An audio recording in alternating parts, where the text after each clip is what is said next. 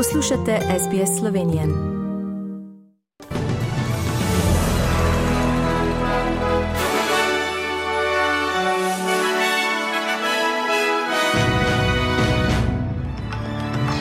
Nič več domače izolacije za COVID-ne bolnike.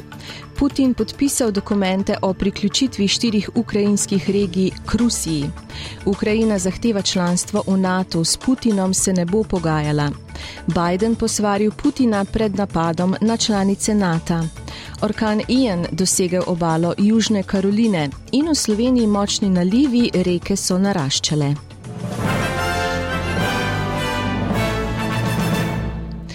Zagovorniki zdravja opozarjajo, da odločitev o odpravi obveznih obdobij izolacije za ljudi okužene s COVID-19 tvega večjo obremenitev za bolnišnični sistem, če se pojavijo bolj visoko prenosljive različice.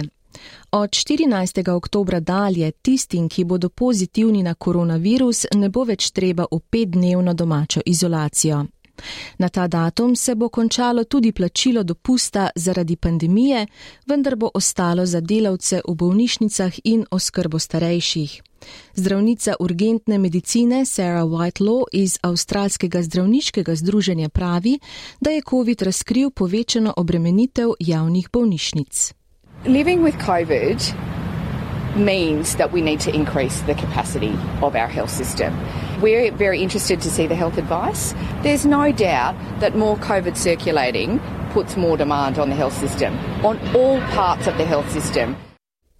Ruski predsednik Vladimir Putin je včeraj na slovesnosti v Kremlju podpisal dokumente o priključitvi ukrajinskih regij Herson, Zaporožje, Donetsk in Lugansk k Rusiji, skupaj s predstavniki proruskih oblasti vsake od štirih regij.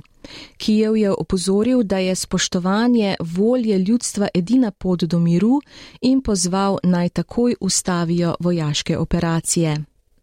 Ukrajinski predsednik Vladimir Zelenski je včeraj dejal, da bo Ukrajina uradno uložila prošnjo za vstop v zvezo NATO po hitrem postopku.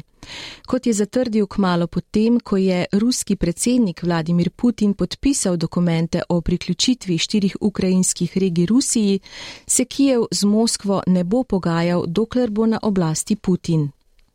Ameriški predsednik Joe Biden je včeraj zatrdil, da se ZDA in Zveza NATO ne bodo pustili ustrahovati ruskemu predsedniku Vladimirju Putinu.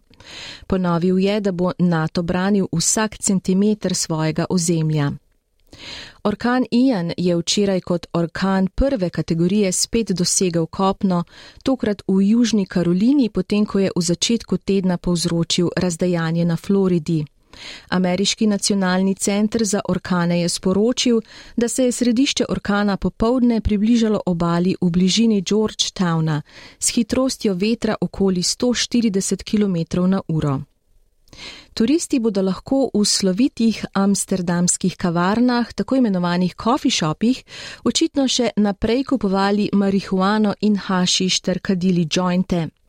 Po poročanju nizozemskih medijev, ki jih povzema nemška tiskovna agencija DPA, je namreč večina članov mestnega sveta v četrtek zavrnila načrtovano prepoved vstopa v te lokale za turiste. V Sloveniji je bilo po noči oblačno in deževno, do jutra je na severozahodu padlo še do od 30 do 70, na jugovzhodu pa od 20 do 50 litrov dežja na kvadratni meter. Drugot je bilo dežja manj, reke so po noči naraščale. Več o trenutnih razmerah lahko slišite v nadaljevanju v novicah iz Slovenije.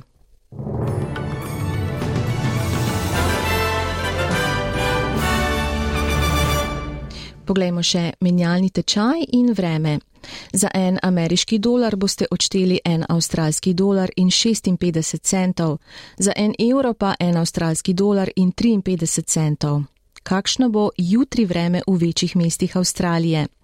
Cairns večinoma sončno 31, Brisbane plohe 19, Sydney plohe 18, Canberra večinoma sončno 17, Melbourne večinoma sončno 19, Hobart delno oblačno 18, Adelaide večinoma sončno 24, Perth delno oblačno 23, Brum sončno 29 in Darwin plohe in nevihte 31 stopinj Celzija.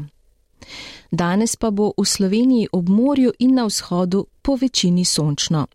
Drugod bo spremenljivo do pretežno oblačno, predvsem v hri hribovitem svetu zahodne Slovenije bo občasno še rahlo deževalo. Pihal bo jugozahodni veter, najviše dnevne temperature bodo od 16 do 22 stopinj Celzija. Slišali ste novice medijskih hiš SBS in STA.